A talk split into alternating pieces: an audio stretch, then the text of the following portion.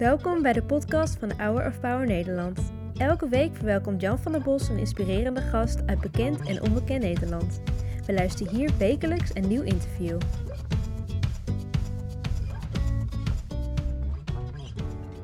Indrukwekkend gezongen door het koor van Hour of Power. De zegenbeden, zoals dat heet, uit Numeri. En vaak hoor je hem ook in de kerk bij het einde van de dienst. De Heere zegenen en boedie. De Heere doet zijn aangezicht over je lichten en zij je genadig. De Heere verheffen zijn aangezicht over je en geven je vrede. Vrede, Ja, ja jij, jij vult het al in. Mooi is dat, hè? Mooi, dat is prachtig, ja. Ja. ja. Dat is 4000 jaar geleden geschreven. Ja, maar de Heer blijft dezelfde natuurlijk. En jij ook?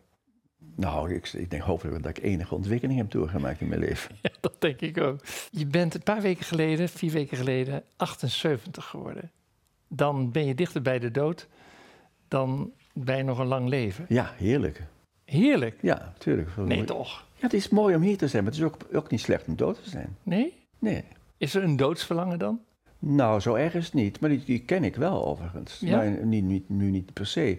Naarmate je ouder wordt, wordt het doodsverlangen ook wel wat minder. Ja. Omdat je gewoon wel weet dat het zover langzamerhand komt. ja. Antoine, serieuze vraag. Dit is je laatste dag van je leven.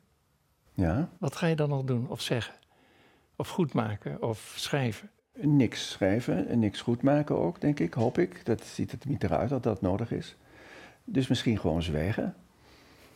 En bovendien moeten we goed bedenken dat wij vaak het, eh, het, het spreken slechts onderbreken om te zwijgen. Ja. Maar de dood is ook zwijgen en stilte. Ja, misschien moet er nog iets geregeld worden op het laatste moment, maar verder toch eigenlijk niet, denk ik. Krijg je staatsbegrafenis?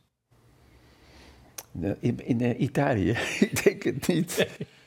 Want daar woon je nog steeds. Af en toe kom je naar Nederland, maar Rome en eh, de kerk die je daar mag eh, hebben eh, en jouw appartement, dat is eigenlijk waar je, denk ik, je laatste jaren van je leven zou willen doorbrengen. Ja, het ziet er wel naar uit. Ik ben dus sinds september t- eh, 2020 ben ik daar de rector van de Nederlandse kerk Ja. geworden. En dat verankert mij nog meer in Rome dan al, dan al was. En de pendeldienst tussen Nederland en Rome wordt minder. Ehm, en een zekere mate van terugtrekken ehm, zou mij wel aangenaam zijn, wat ik ook wel probeer. Dus het zou me niet verbazen. Nou, Ik geloof er niks van. Uh, het Antoine kan. en terugtrekken. Nou, kan- ik probeer het wel in ieder geval. Nou, in ieder geval kan ik zeggen, ga ik daar de pijp uit, dan, dan blijf ik daar. ja? En ga ik hier de pijp uit, dan blijf ik hier. Ja. Je hebt je eigen kerk, eh, waarvan je rector bent in Rome. En ik moet even denken aan die 100 Hour of Power kijkers die een paar jaar geleden bij jou op bezoek kwamen. En daar hield je een onnavolgbaar referaat over katholieken en protestanten. En dat we zo hecht met elkaar verbonden zijn. En dat we soms een vijandsbeeld hebben en dat dat niet nodig is. Nee. Kun je Dat nog één keer toelichten voor de kijkers die nu kijken? Nou ja, het is natuurlijk zo dat, eh, dat door, eh, laten we zeggen, de reformatie enerzijds, de reactie van Rome erop anderzijds, en daarop weer de Heidelbergse catechismus, dat het allemaal ons heeft doen staan met de ruggen naar elkaar toe, zeker in Calvinistische landen, zoals ook Nederland, min of meer niet, eh, waardoor je elkaar helemaal niet meer kent. En we, die, we leefden in een zuilenmaatschappij. En het was het bekende verhaal dat in een katholieke stad, voor zover die er waren, het zuiden van het land, daar wonen de protestanten achter de spoorlijn met een eigen bakker, eigen slager, eigen kruidenier. En in alle andere steden waar die protestant waren, daar wonen de katholieken achter de spoorlijn met een eigen bakker, eigen slager, een eigen kruidenier. dus het was, en er zijn zoveel misverstanden in de loop van de eeuwen opgebouwd, dat eigenlijk pas sinds de jaren 60 van de vorige eeuw dan, ehm, is dat min of meer, is er in gaan zien dat ons veel meer bindt dan wat ons, dat wat ons scheidt. Eh, er is maar één punt wat steeds een punt blijft, dat is namelijk het zogenoemde sola scriptura, alleen door de Bijbel. Dat wordt in katholieke kring anders gezien, in de katholieke kerk. Maar al die andere zaken als alleen Christus, eh, door het geloof, door de, door, de, door de genade, dat zijn allemaal zaken die eigenlijk, eigenlijk nagenoeg hetzelfde zijn. Waar heeft genade een plaats in jouw leven? Eh, tout la vie est grâce. Alles in het leven is genade. Dat je talent hebt gekregen en dat je, het mag, dat je ze mag ontwikkelen en dat je ze kunt ontwikkelen. Dat je Ja. karakter toch zodanig is dat, dat je het redt in dat opzicht. Dat is allemaal een vorm van genade. Ja. 78 lange jaren eh, van ontwikkeling, van een glanzende carrière. Er is een eh, biografie over geschreven. Die heet Sprong die overgave heet. Was jij echt katholiek als jongetje? Ja, zeer katholiek. Ja? Ja, wij waren gewoon katholiek, Ja. dus dat is gewoon. Maar jij was zeer katholiek. Ik was als kind zeer katholiek, ja, meer dan de anderen. En mijn vader was weer meer katholiek dan mijn moeder. Ja. Dus het gaat over de strengheid, hè? Het Ja. gaat over, ja, dus eh, dat kan ik zo zeggen, ja. ja. Ja. Dan eh, ontwikkel je, je bent een intellectueel, je gaat studeren. Wat was jouw droom in die tijd? We gaan eigenlijk even je biografie langs. Nou kijk, het, het was aanvankelijk het priesterschap. Ja. Dus dat was als toen ik een jaar of zes, zeven was. Maar toen, toen om, door omstandigheden ehm, ik bij de Jezuïeten voor niet slim genoeg werd geacht om dat te kunnen halen. En die zijn slim, hè? En die zijn zelf slim, ja. Ja. Dat heeft ook een gevaar in zich. Maar we spreken over een andere tijd. Ja. Toen het alleen maar ging over intellectuele ontwikkeling. En anderzijds was dat ook in de periode eh, eh, kort daarna dat het Tweede Vaticaans Concilie eindigde. En dat is hier in Nederland, het was 1965, is min of meer toch geëindigd in, eh, door een tweede beeldenstorm die hier gekomen is. De eerste was in 1566, de tweede was in 1966. Ja. En dat was voor mij om de kerk eens fors op afstand te houden. En wat bleef er toen over? Studeren. Dus ik ben gaan studeren en ik heb het geluk gehad en de genade dat ik wel kan lesgeven. En ik heb mijn hele leven eigenlijk aan de universiteit lesgegeven. En dat, heeft me, dat is me zeer goed bevallen. En tot de dag van vandaag is het altijd nog iets heel moois om iets wat je zelf hebt mogen verwerken of welke kennis je hebt vergaard. Maar het gaat vooral om de vorming, eh, Ja. dat je dat op een ander kan overbrengen Ja. als men er ontvankelijk voor is. Zeker, zeker. 30 jaar priester, want dat jubileum vieren we nu. Maar de aanloop naar het priesterschap was niet makkelijk. Je ontdekte dat je homofiele gevoelens had. Eh, je dacht dat dat in de weg zou staan voor het priesterschap. Nee, dat dacht ik niet. Oh, Nee, eh, het is zelfs zo dat zeven jaar voordat ik gewijd word, dus 37 jaar geleden, heb ik dat gewoon besproken met, met, de, met de bisschop naar wie ik toe ben gegaan. Dat was geen enkel probleem. Nee, toen ik gewijd werd, 1992, toen kwam de gaywereld in opstand. Hoe is het mogelijk dat, dat, jij, dat jij je laat wijden? Dat is de rel geworden. En sindsdien is het ook pas bekend geworden dat ik eh, tegen natuurlijke eh, gevoelens ken. je zegt tegen natuurlijk. Nou ja, ik, ik citeer Gerard Reven. Ja, ja. De nacht dat jij met de worsteling waar we het net over hebben, de volgende dag tot priester zou worden gewijd, ja. is eh, de mooiste, maar ook de moeilijkste nacht. de verlatenheid was zodanig groot, omdat er een geweldige rel ontstaan was in de, in de media. En dat eh, mijn bisschop mij opbelde en zei: eh, Luister eens, eh, er is van nogal wat om jou gaande. Moet ik mij zorgen maken? Zei: Nee, u hoeft er geen zorgen te maken, want u, alles is, wat u weet is, is bekend. En, ehm, en toen was er ook bij de KRO nog een bijeenkomst waar men ook een verdachtmakingen deed. Dus het was eigenlijk een, een, ja, en toch daardoor een hele diep, diep dal waar je ineens ingekomen was. Ja. En, eh, en de volgende er zou gedemonstreerd worden eh, enzo- enzovoort. Maar ja, ik ging dus morgens naar de kathedraal van Haarlem, daar ben ik namelijk gewijd. En eh, dat- het, er waren heel veel mensen. En eh, er was ook televisie en al die andere types. Want ik, had, ik deed toen een televisieprogramma waardoor ik enige bekendheid Ja. had. En, maar goed, het is allemaal overgegaan. Alleen, het was wel het dieptepunt en een hoogtepunt. Maar beschrijf die nacht eens. Het is een gewaarwording dat God bestaat en dat Hij je ook bemint. En ehm, of je nu wel of niet door die wijding komt, mag dan eigenlijk niet meer ter zake zijn. Want toen ik op de grond lag, in de katholieke traditie ligt dus een diaken en een priester en een bisschop ligt op de grond, voordat die gewijd wordt. Toen lag ik op de grond in die kathedraal en toen wist ik nog steeds niet of ik nou wel gewijd zou worden. En toen werd ik dus gewijd en toen was het over. Ja. 30 jaar priesterschap. Het lijkt of jouw leven zich door hoogtepunten kenmerkt. Een gevierde En- priester, en een gevierde auteur, een gevierde spreker, een sympathieke man, eh, geliefd bij vriend en vijand. Nou, bij vijand minder hoor. nee, ik, goed, ik, ik heb een depressieve kant in mij. Dus eh, dat wat nu al wat minder is, dat heb ik mijn hele leven heeft me dat begeleid. Dus eh, dat, dat is dat. Ik, ik heb wel een zonnige kant, maar ik heb ook een sombere kant. Ja. En daar moet je je, je leven ook mee uit zien te komen. Ja. Maar net zei je over die sombere kant dat je daar wat aan wilde doen, aan het, het, het sombere Nederland. Daar had je nog een roeping voor. Nou, dat was de introductie die jij hield. Oh, oh dat waren mijn woorden. Ja, waren jouw woorden. Oh, Dat ge- oké. Dat geeft het. Ik wil, hard, ik wil van harte meewerken. Eh, eh, het is wel een reden waarom ik dus in Italië woon en niet in het wat sombere Nederland. Maar het is wel goed om juist in deze tijd, waarin er toch veel ehm, ja, zorgen zijn, eh, om te proberen, en dat, dat is onze taak, als ik het zo mag zeggen, om mensen te bemoedigen. En het mooie van het christendom blijft natuurlijk dat het, dat het geloof ook van de hoop is. Niet zozeer dat wij... Als Zekerheid is het.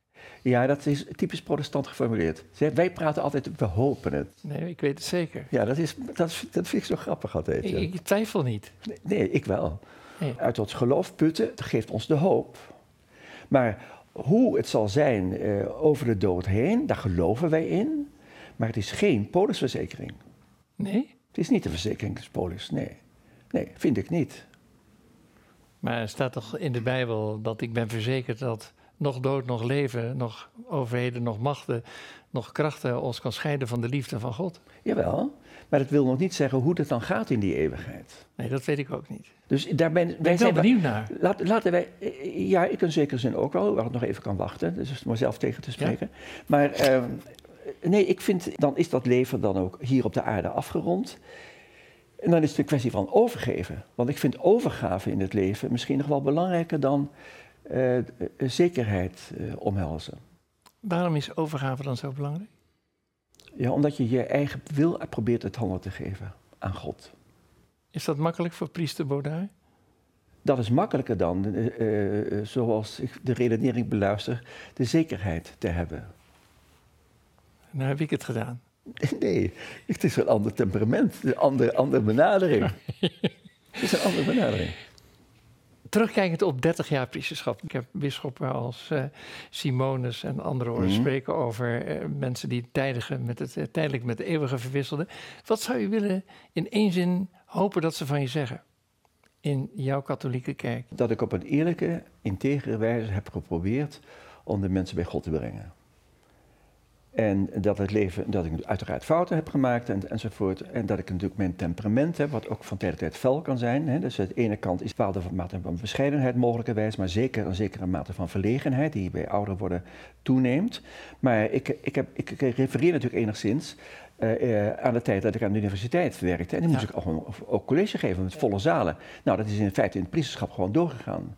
En daar ben ik wel... Uh, daar sta ik wel voor, ja. Dus zowel voor wat ik onderricht aan de universiteit, maar ook als ik, iets, als, ik, als ik in zalen spreek of zelfs op de televisie, dan ben ik wel degene die staat waarvoor die staat. Ja, althans, dat wil ik, ja. ja.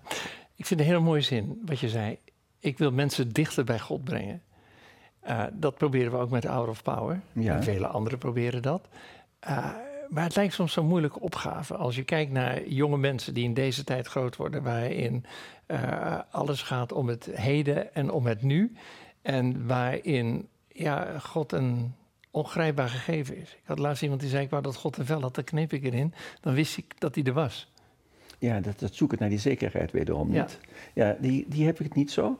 Uh, wat ik wel uh, meen te weten is dat wanneer je eenvoudig probeert te zijn die je bent, en dus open probeert te staan voor de ander en voor anderen, ook in gesprekken, uh, en geen toeren uithaalt, maar gewoon bij jezelf blijft, zoals het modern heet, dan heb je de meeste kans om, uh, om uh, ook jonge mensen te, te, te, raken. Ja, maar diezelfde jonge mensen zeggen tegen mij, waarschijnlijk ook tegen jou, van als God bestaat, waarom is er dan die vreselijke oorlog in Oekraïne? Waarom worden onschuldige demonstranten publiek terechtgesteld in Iran? de waarom-vraag. Ja, die waarom-vraag die krijg je dus nooit echt beantwoord. Dat is een van de mysteries van het lijden en van de dood overigens ook. Anderzijds is het zo dat, dat de katholieke kerk eh, gelooft in de vrije wil. Als je dus eh, denkt dat je geen vrije wil hebt, dan kun je ook niet aankomen met het kwaad in de wereld, waar je wel voor kunt kiezen of niet voor kunt kiezen. voor mij is meneer Poetin iemand die voor het kwaad kiest en voor de macht enzovoort. En dan, dan, dan lijden er heel veel mensen. Maar het staat niet voor niks ook in, de, in het evangelie dat de, de, de, de dierbaarsten uh, van God zijn, de, zijn toch de mensen die, in wie hij uh, aanwezig kan zijn in hun lijden. En het mooie van, het, van de eeuwigheid, van het hiernamaals, uh, zou kunnen zijn dat er dan vereffening komt. Van de mensen die hier behoord hebben gehad. En de mensen die hier al gewonnen hebben. Wat Jezus ook vergelijkt met de, met de fariseeën en de arme Lazarus, niet? Ja. En de dus, rijke eh, vrek, dat, die dus parabel. Dus Poetin zou het wat minder makkelijk hebben dan jij? nou, dan als je dat kunt aanvaarden, dan denk ik dat je als je arm bent en het ellendig hebt gehad, uh, dat je dan daar een, een, hoop uit kunt putten dat het in de eeuwigheid wordt vereffend. Dat is namelijk de gerechtigheid. Ja, Ja, maar God is de rechter. Daarom. Hij zit op zijn troon, staat in de Bijbel, op zijn Ja. rechterstroon. Dus we worden geoordeeld naar wat we in ons, van ons leven hebben ge- gebakken, toch? Ja, maar ik, ik, dat is zeker zo. Maar ik, maar ik leg meer het accent op dat hij Ja. altijd de gerechtigheid zal betrachten. Niet alleen de barmhartigheid, maar ook de gerechtigheid. Wat zou je tegen de Hour of Power kijkers willen zeggen? Veel mensen waarderen wat je doet. Het blijft mooi om, om tegen alles in, tegen de wereld in die er zo beroerd uitziet op dit moment. eh, de oorlogen, maar ook de, de ziektes eh, enzovoort. Ehm, en ook onze eigen problematieken en onze maatschappelijke onzekerheid die we nu kennen, omdat we niet meer precies weten hoe de welvaart verder gaat enzovoort. enzovoort. Dat het echte houvast blijft God. En het is ook de overgave aan God, dus het, het zoeken van de wil van God. En het proberen te doen van de wil van God, dat, dat, daarin is besloten de overgave aan God. En dat betekent meteen de geborgenheid van Psalm 23. Eh, en dat zou ik iedereen gaan naartoe wensen om daarin eh, voor te gaan. En daardoor ons te laten bemoedigen in het geloof en op grond daarvan de hoop die in ons leeft. En die moet in ons blijven leven. Moeten betekent, zou het mooiste zijn dat het in ons blijft leven. Ik hoop dat je nog lang blijft leven om die boodschap door te geven. Dankjewel Jan. Ik geef je graag een aandenken mee. Ik hoop dat het in het koffertje naar Rome past. Dit heb jij eigenlijk ook gezegd. Je bent een geliefd kind van God. Heel veel dank aan je? Dankjewel. Alle goeds, nog, nogmaals van harte gefeliciteerd. En dank dat je hier aanwezig wilde zijn. Bedankt voor het luisteren naar het interview van deze week. We hopen dat dit verhaal jou heeft bemoedigd. Wil je meer weten over Hour of Power of andere interviews bekijken? Ga dan naar www.hourofpower.nl